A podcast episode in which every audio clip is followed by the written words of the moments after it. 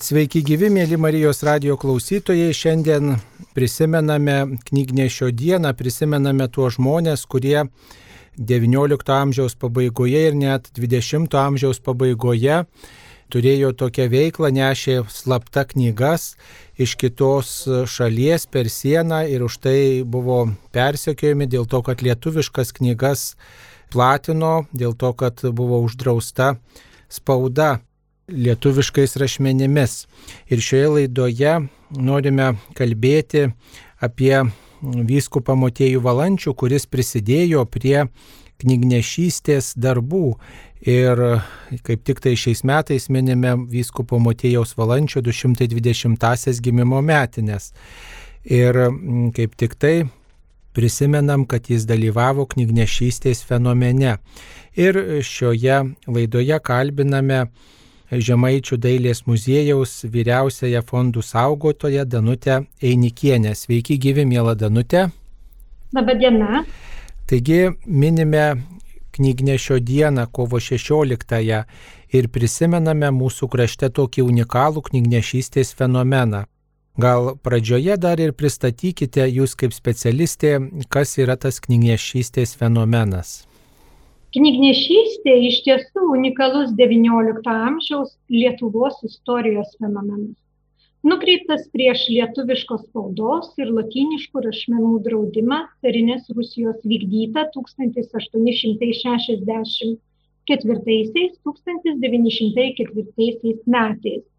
Knygnešiai daugiausiai tai buvo valstiečiai, lietuvišką spaudą 40 metų slapta gabeno į Lietuvą iš tuometinės Prūsijos bei mažosios Lietuvos ir platino po visą kraštą, nepaisant carinės valdžios persekiojimo, o tai grėsė laisvės praradimu ar net mirtimi. 2004 metais UNESCO, kuri globoja švietimą ir kultūrą, knygnešystę pripažino pasaulyje analogų neturinčią veiklą. Kovo 16 paskelbta knygnešių diena. Data pasirinkta neatsitiktinai. Tai žymiausio knygnešio Jurgio Belinio gimimo data. Šis sumanus knygnešys per 31 aktyvios veiklos metus su talkininkais pergabeno per sieną ir Lietuvoje išplatino beveik pusę spaudinių tuomet spausdintų mažojoje Lietuvoje. Tarptų spaudinių turbūt buvo daug ir religinio turinio leidinių. Kokią vietą tarp visų knygų užėmė maldaknygės? Maldaknygių spaudos draudimo laikotarpiu buvo spausdinama daug. Ko nepasakytume apie pasaulietinio turinio leidinius. Jiems tiesiog tuo laiku nebuvo skaitytojo. Iš tiesų tarp visų spausdinamų knygų religinio turinio literatūra užėmė net 71 procentą. Ypač XIX amžiaus antroje pusėje buvo populiarios maldaknygės. Pavyzdžiui, Tado Jūzimo ir Jeronimo Račkausko parengta maldaknygė Senas auksa autorius, kuri pirmą kartą 1865 metais išspausdino Juozapo Zavatskio spaustuvėje išliko populiariausia maldaknygė. Įvairios apimties, variantų ir pavadinimų, skirtingų rengėjų parengta aukso amžius perleista net 90 kartų.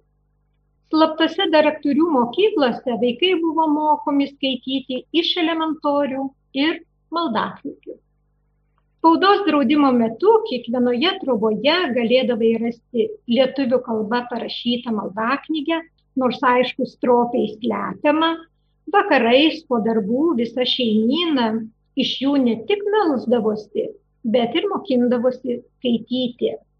Tarp tikinčiųjų ypač populiarios buvo ir kantičkos.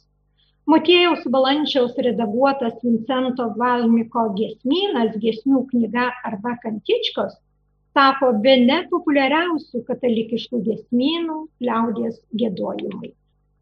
Koks yra ryšys tarp visų knygnešių ir tarp jų vykdomos veiklos ir vyskupo Motėjaus Valančiaus, kuris kaip tik tai tuo metu gyveno ir šiais metais minime jo 220-asias gimimo metinės. Taip, Motėjus Valančius viena ryškiausių XIX amžiaus asmenybių, kurio idėjos darbai klojo pamatos tautos demokratiniam judėjimui.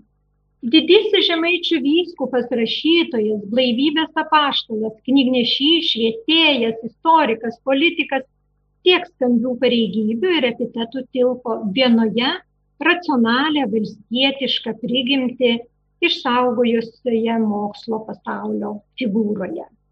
Mutėjus Valančiaus praskintas kelias lietuviškam žodžiui, sukurta ištisa slapta knygų spausdinimo sistema, leidusi lygupę iš rytprūsių į Lietuvą tekėti lietuviškoms knygoms. Tai buvo didžiulė atsvara plačiame lietuvių kalbos rusinimo lauke. Pats vyskupas, būdamas ištremtas ir apribotas nuo tiesioginių bendravimo su spaustuvininkais ir net negalėdamas leisti knygų, ieškojo artimo bendražygio. Juo tapo Tilžės katalikų bažnyčios klebonas Jonas Zabermanas, juridinis leidėjas ir spaudos prižiūrėtojas. Būtent Jonui Zabermanui Motiejus Valančius pavedė rūpintis visais lietuvių spaudos reikalais Prūsijoje. Lietuviškų knygų spausdinimui ir platinimui Motiejus Valančius pinigų negailėjo. Yra žinoma, kad 1869 metais pas jį palaiminimo prašyti atėjusiam 28 metų gritelnikui Stanislavui Račiūgai, kai susipažino ir artimiau pabendravo, vyskupas patikėjo voką su tūkstančių rublių ir laiškų lotynų kalba. O pristatyti reikėjo Jonui Zabermanui. Kai užduotį įvykdė, jisai gavo 15 rublių atlygį. Tuo pačiu laiku su Motiejumi Valančiumi susipažino ir Purviškių kaimo 23 metų valstietis Jurgis Bielinis. Viskupas jam įdavė voką su 2-3 tūkstančiais rublių ir išsiuntė į Tilžę pas Joną Zabermaną. Taip Motiejaus Valančiaus armija lietuvybėje atskleisti papildė du ištikimi kariai knygnešiai. Pasakojama, kad pats vyskupas Motėjus Valančius naujai pašventintiems kunigams dovanų įteikdavo lietuviškos spaudos ir maldaknygių. Ar teko apie tai girdėti ir kodėl vyskupas vat, tokią kontrabandą įteikdavo mm, naujai pašventintiems kunigams? 1845 metais Motėjui Valančiui pradėjus eiti redaktoriaus pareigas, Varnių kunigų seminarijos gyvenimas keitėsi iš pagrindų. Dėstyti buvo kviečiami jauni ir gabus profesoriai. Pasirūpinta, kad seminarijoje būtų įvesta lietuvių kalba, kad pamokslai būtų rašomi ne tik lenkų, bet ir lietuvių kalba. Seminaristus ruošė tapti ne tik oliais Dievo žodžio skleidėjais, bet juos ugdė kaip tautos vedlius šviesos link tiesiog norėjo, kad kunigaudami neužmirštų šviesti, lavinti ir savo parapijonių. Viskupui rūpėjo viskas, kas susijęs su tautos gyvybiniais pamatais. Jo siekis - nuolatinis tautos mokslinimas. 1850 m. pavasarį pradėjo didelį švietėjišką darbą, steigė parapijinės mokyklas. Šiai užduočiai atlikti apie save vyskupas subūrė aktyvių rašančių kunigų ratą, pasitelkė intelektualus, išrūpindamas jiems valstybinės ar bažnytinės tarnybas. Tai nebuvo taip paprasta. Žemaičių vyskupui dažnai teko pasitelkti diplomatinius gebėjimus, kad į savo pusę palenktų įtakingus valdžios atstovus, bažnyčios hierarchus. Užsibrieštas tikslas, kad žemaitijos žmonės taptų raštingi, turėjo būti pasiektas.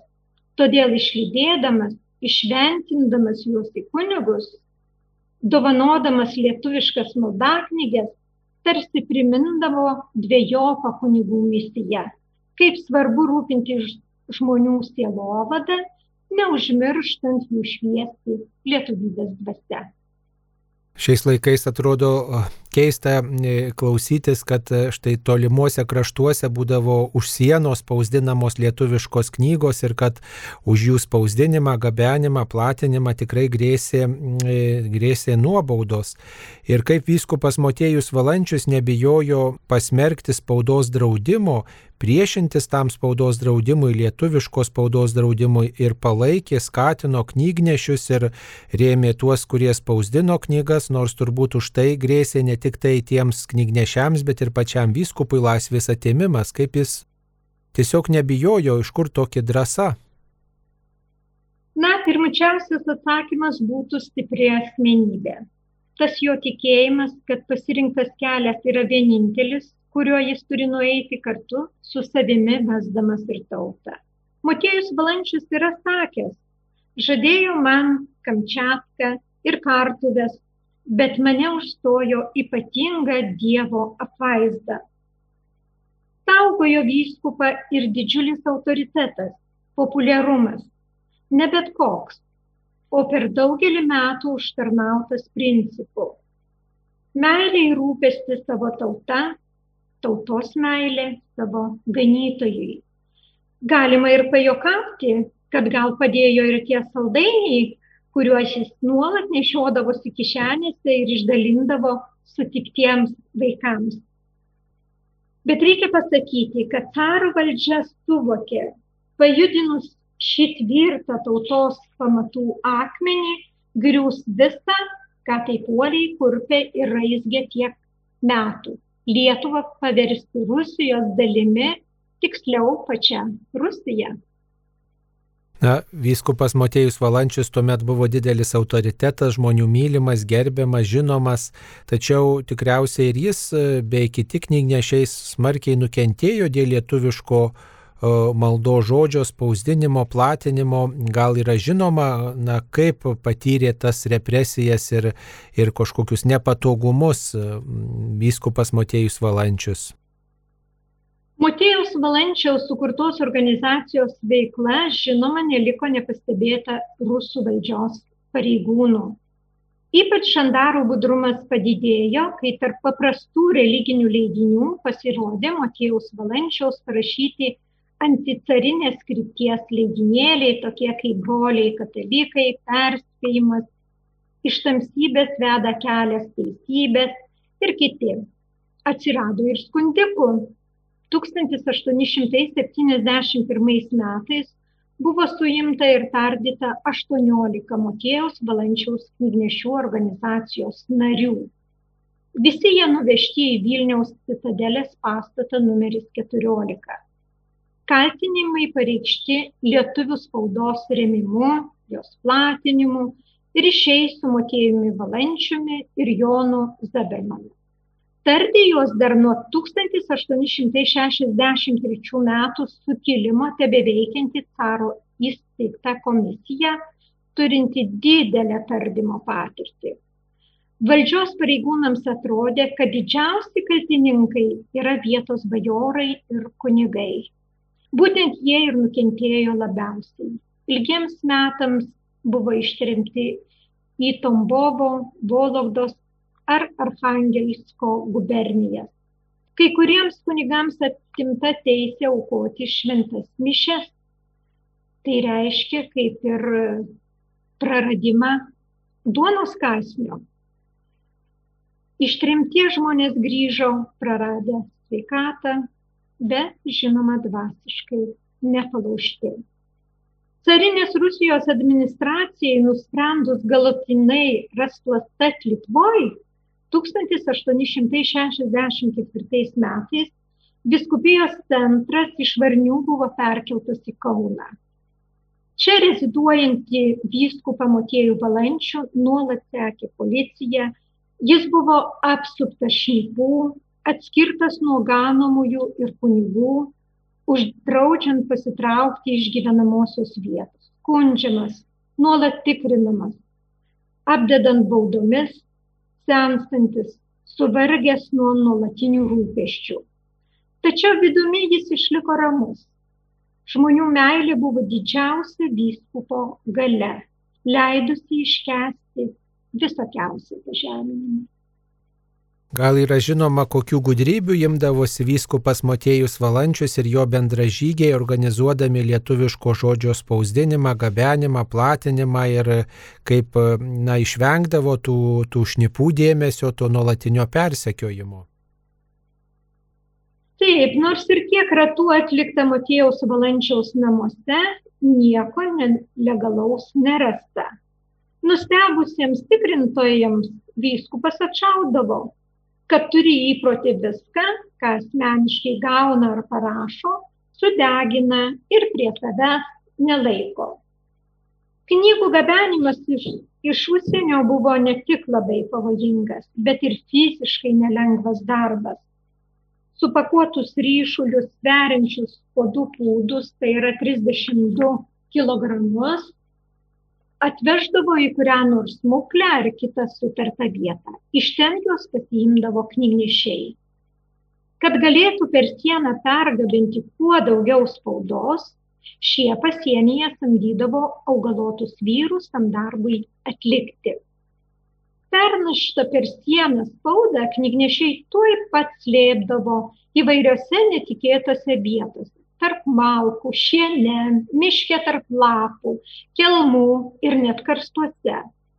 Ilgose kelionėse keisdavo vežimus bei pakinktus pagal vietinės tradicijas, kad nekristų į akis karo valdžios pareigūnams.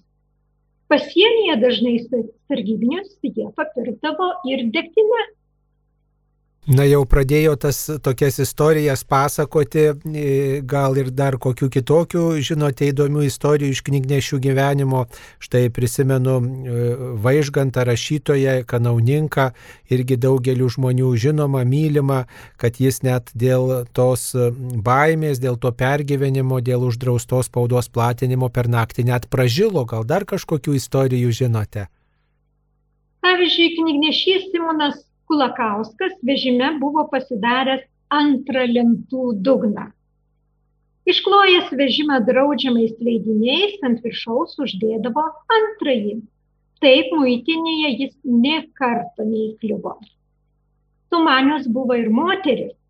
Pavyzdžiui, Ona Maliauskaitė, kuri po savim slėpė nelegalią spaudą, matydama, kad prie jos artėja sargybinis, tiesiog iš priestės pakratė obolius, o sargybinio būta tikrai alkano. Puolė prie obolių, o moteris tuo tarpu praėjo nepatikrinta. Na, suprantama, kad e, tas spausdintas žodis tuomet buvo toks didelis autoritetas, žmonės labai brangino tą spausdintą žodį na, ir, ir, ir juo tikėjo ir aišku, bet kokios politinės visuomeninio gyvenimo naujienos tai galėjo tiesiogiai grėsti cariniai valdžiai ir, ir kurstyti kažkokius neramumus. O kodėl buvo siekiama atimti lietuvišką žodį iš maldos gyvenimo, kaip manote?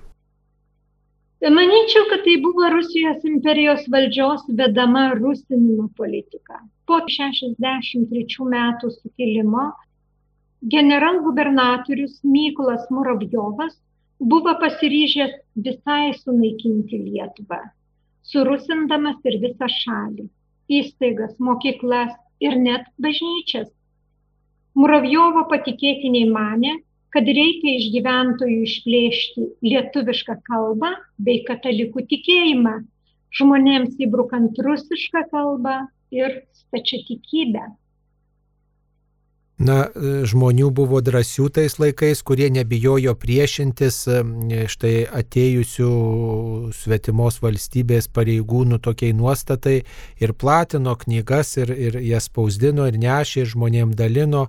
E, vis dėlto taip žiūrėdami dabar iš tam tikro tokio atstumo, į šitą visą fenomeną, kaip galėtume įvertinti, kokie buvo tos knygnešystės vaisiai, kai vat, nešė religinės knygas, maldaknygės, kai platino daugybė e, žmonių, kuriems tas buvo svarbu, kokie, kokie štai vaisiai, kokios pasiekmės šito judėjimo.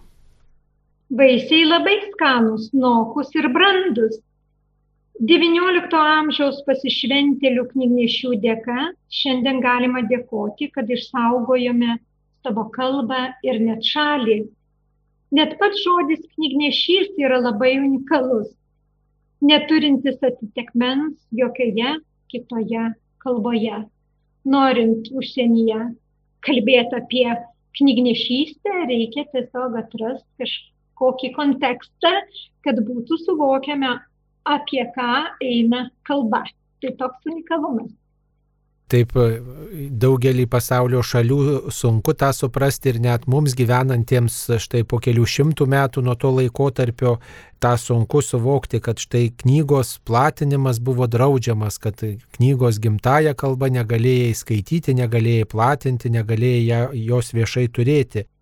E, vis dėlto kasmet prisimenam knygnešius, knygnešių vardais yra pavadintos ir gatvės, ir, ir net sovietmečiųgi Kaune išliko Zikaro sukurtas knygnešiui skirtas paminklas, kur knygnešys prie e, akių pridėjęs ranką dairosi, ar nėra, čia žandarų buvo sakoma, kad nuo saulės iš čia prisidengia taip akis vis dėlto pasaulyje tas fenomenas yra mažai pažįstamas, mažai žinomas, o mus, e, kurie esam tautiečiai tų knygnešių, kurie naudojamės e, lietuvių kalba, e, ją vartojame ir dabar galime džiaugtis lietuviškų laisvų žodžių, kam galėtų mus įkvėpti šių laikų žmonės tas pasaulyje toks unikalus knygnešystės fenomenas. Iš tiesų pasaulyje viskas keičiasi, mainosi, bet yra dalykų, kurie bėgant laikui nekinta. Taip yra ir su tautos kalba. Ji vienintelė ir nepakeičiama. Iškilus pavojui gimtajai kalbai drąsiai ir pasiaukojimai įstojo ginti knygnešiai. Ir ne tik, grėsmę jautė visa tauta koks nuolatinis nepaliaujamas rūpestis dėl lietuvių kalbos išlikimo gulėjo ant Mutėjaus valančiaus pečių, galima pailistruoti Varnių gyventojos teklės Lukauskaitės pasakojimu iš vaikystės. Ar moki skaityti? klausė valančius. Moku šviesiausiasis vyskupė. O kaip mokaisi? Lenkiškai sakau. O kodėl nežemaitiškai. Mano tėvas praidokas, tai yra ateivis, iš Lietuvos sakė, kad mokyčiausi skaityti lenkiškai. O kodėl nežemaitiškai, kaip tave mokė mama poterių? Žemaitiškai. Mokyki žemaitiškai, taip kaip motina mokė poterių, taip skaityk ir spavėdokis. Žemaičių kalba vaikeliai važnesnė už Lenkų. Nesikį jis vaikams taip pasakodavo, viskupas liepdavo mums savo sodne dainuoti žemaitiškai, jis klausėsi ir natavojo, kas vaikelį, kas oželį dainuodavome. Tada gimtasis žodis sudarė prielaidas tautiniai savimoniai plėtotis, rodė, švietė kelią į valstybingumą. Dabar irgi kažkas panašaus kalba mus saugo, leidžia išlikti tauta, neišnykti iš pasaulio žemėlapio, parodyti savo unikalumą. Kalbant apie knygnešystę, man šalia iškyla mintis ir apie kryždirbystę. Tai du žodžiai, du Lietuvos fenomenai, kurie ne tik gražiai rimuojasi tarpusavyje, bet ir apjungia mūsų kultūrinį paveldą Tuose žodžiuose galima perskaityti lietuvių tautos genetinę išlikimo istoriją. Unikalus reiškinys. Pati tauta, iškilus grėsmiai, grėsmiai būti sunaikintai, knygnešių pagalba saugojo lietuvišką žodį ir statė kryžius, sėjo tikėjimo sėklą. Išlikimo ginklai buvo tik du - kalba ir tikėjimas Panašų kelią į laisvę pasirinko ir mūsų karta. Kelias atkuriant nepriklausomybę buvo grįstas drąsa, valia, tikėjimu. Išvada tokia. Pasitelkiant žodį, tikėjimą, valią, žmonės visais laikais gali atrasti kelią į tiesą. Na, jūs dirbate Dailės muziejuje, vyriausiaje fondų saugotoje, o jūsų fonduose ar daug yra išlikusių tų ano laikotarpio tokių paminklų, sakytume, dabar jau galbūt tų maldaknygių senųjų, tų knygų, kurios, na, tokiu slaptu būdu labai rizikuojant buvo atneštos į Lietuvą. Taip, jų yra ir, ir, maldaknygės tos, kurios buvo perleistos jau su pakeista data, jų mes turime, jų sulaukėme ir šiandien žmonės jas yra išsaugoję ir dovanoja muziejui. Ir karts nuo karto, ypač knygnešių dienos proga, mes stengiamės vėl visuomeniai parodyti tą istorinį laikotarpį, sunku Lietuvai, labai sunku, bet e, viltinga. Ir, ir tas maldaknygės e, rengiame parodas ir, ir primenam žmonėms, kad visais laikais yra dalykų, brangintinų dalykų, kurie nurodo mums, kaip reikia elgtis vienoje ar kitoje situacijoje. Nepasimesti, išlikti, išlaikyti viltį ir tikėjimą. Jūs minėjot, kad spausdinant maldaknygės būdavo sąmoningai klastojama leidimo data. Gal kažką daugiau apie tai galėtumėt pasakyti, turbūt e, dėl to, kad e, nebūtų susekama, kelintais metais buvo spausdinta. Taip, būtent taip.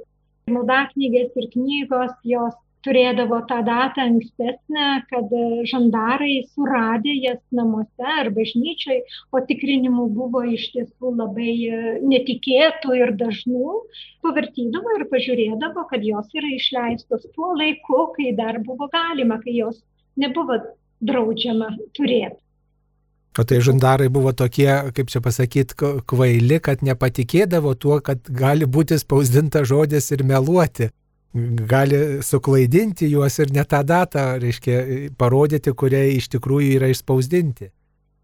Na, kovoje, sakoma, visi įmanomi būdai yra e, teisingi, bet e, šiuo kartu jų visokių buvo, o tuo labiau jie mėgdavo būti patarkami degtinė, lašiniais, e, gerybėmis ir, ir juos tai versdavo kaip ir kitą kartą užsimerkti. Nors iš tiesų bausmės ir, ir, ir ta baimė, jeigu kas pakliūdavo net su dviem maldaknygėm, grėsdavo trimtis ir, ir, ir dar kalėjimas iki penkių metų. Bet, kaip sakyti, tauta nenorėjo būti Rusijos dalimi, ji nenorėjo būti Rusija ir, ir rizikavo ir, ir skaitė ir nešė ir švietė, tai buvo toks unikalus reiškinys, kad turbūt šiandien, kai yra pas mus e, COVID-19 pandemija, tai yra toks menkniekis prieš tai, ką žmonės iš tiesų darė dėl Lietuvos, dėl ateities, dėl vaikų. Tai kitą kartą reikia atsigręžti tą praeitį ir nusiraminti, pasižiūrėti, kokie laikai buvo, kaip gyvenome, ar dabar turime teisę sakyti, kad mums jau čia labai blogai mūsų laisvės varžomas. Kas iš tokių religinės dailės paveikslų gal įkvėpdavo, padrasindavo knygnešius ir kas buvo kažkokia galbūt užuomina, kad štai, tai tas knygnešystės darbas yra, yra vertingas darbas ir kad ta maldaknygė spausdinta žodis yra tikrai svarbus ir reikšmingas dalykas. Yra šventos onos skulptūrėlė, e, kur ona mokina mažą Mariją skaityti. Ir spaudos draudimo laiku šita skulptūrėlė, šventųjų skulptūrėlė, tapo tokiu kaip ir protesto ženklu, nes e, prikipt valdžia negalėjau, tai yra šventa skulptūrėlė, šventos onos, o potekstė tai labai gili, jinai mokina Mariją mažytę skaityti. Kaip ir visos gryčiose kaimo trobelėse moteris e, prie verpimo ratelio irgi mokino iš maldaknygių skaityti mergaitės, savo vaikelius mažus. Lietuviškai taip ir tas ženklas buvo toks kaip ir sutartinis, labai jinai išpopuliarėjo. E, ir tie, kas jau labai priešinosi e, rusinimui, tai šią šventą skulptūrėlę apgyvendindavo savo namuose. Teko girdėti, kad štai tos maldaknygės, kurios būdavo tokiu būdu e, išspausdintos ir tokiu būdu patekusios į Lietuvą, buvo da, labai branginamos ir net karta iš kartos kaip relikvija perdodavo e, štai tokią šventenybę, ne tik tai dėl to, kad tai maldų knyga, bet ir todėl, kad tokiu sunkiu būdu ta maldų knyga atėjo į tuos namus. Ar tokias istorijas esate girdėjusi? E, viena mokytoja čia iš Plungės rajono yra mums padovanojusi tokią maldaknygę, kurią išsaugojo jos močiutė, e, bet jinai sako, aš esu jau labai garbaus amžiaus ir bijau, kad šita maldaknygė niekur nedingtų, kad ji gyventų tolesnį antrą savo gyvenimą įgautų, antrą kvepavimą ir patikėjo būtent mums muziejui kaip didžiulę dovaną, kaip didžiulę šeimos relikviją ir vertybę. O štai šiems laikams, ar ten yra tose maldaknygėse tokių pritaikomų dalykų atrandamų, ar įmanoma paskaityti šių laikų žmogui tuos tekstus, kurie ten e, na, yra surašyti ir kalba kitokia, ir tos raidės truputį kitokios, ir, ir, ir turbūt daugelis net ir papročių e, skirtingi yra. E, kiek tas e, tų senų raštų aktualumas šiais laikais gali būti svarbus? Na, jisai galbūt labiau yra svarbus kaip e, toks kultūrinis paminklas vis dėlto. E, supažindint vaikus, kad tai buvo, kad kai, kai, kaip mokėsi yra, yra daromos edukacijos, primenama tai, bet aišku, šiuolaikinis žmogus, kai e, tokie informacijos rautai, turbūt jie, jie mokosi iš ir, ir, ir, ir tikėjimo dalykų iš, iš kitų maldaknygių, bet kad tai buvo istorijos dalis, kurios nebelia pamiršti, tai tikrai yra primenama. Ačiū, mėla Danutė. E, mėly Marijos radio klausytojai, šioje laidoje prisimename knygnešio dieną, kuri kaip tik tai ir minima kovo 16 dieną. E, šita kovo 16 diena siejama su Jurgiu Bieliniu, žymiausiu knygnešiu, kuris girdėjome iš Danutės Einikienės, buvo susijęs ir su vyskupu Matėjų Valančiau, buvo vyskupo Matėjaus Valančiaus remiamas, jo veikla buvo skatinama tam, kad lietuviškas žodis, lietuviškas maldo žodis plėstų po Lietuvą, kad žmonės galėtų e, išmokti ir melstis, ir skaityti būtent lietuvių kalbą. Ir šiandien su dėkingumu prisimename ir vyskupą Motiejų Valančių, kurio 220-asias gimimo metinę šiais metais minime, ir visus tuos knygnešius, kurių vardai žinomi, bet daugybė tų knygnešių yra ir nežinomi, ir paprasti žmonės kurie labai sunkiai mm, ir rizikuodami gabeno lietuvišką žodį, platino, saugojo jį ir brangino, tegul ir Dabar, plečiantis globalizacijai, mes nepamiršime savo šaknų, savo tradicijos, savo lietuvių kalbos, arhaiškos kalbos ir, ir tų aplinkybių, kuriomis ji buvo saugojama ir ginama. Mėly Marijos radio klausytojai, šioje laidoje kalbėjo Žemaičių dailės muziejaus vyriausioji fondų saugotoja Danutė Nikienė ir ją kalbinome apie knygnešius ir apie knygnešį motiejų valančių, kurį galime pavadinti knygnešių globėjų, tegul pagarba knygai, pagarba spausdinta maldo žodžiui, apskritai žodžiui išlieka mūsų krašte ir visame pasaulyje. Danutė Einikienė kalbinau aš kunigas Saulis Bužauskas. Būkite palaiminti. Ačiū sudie.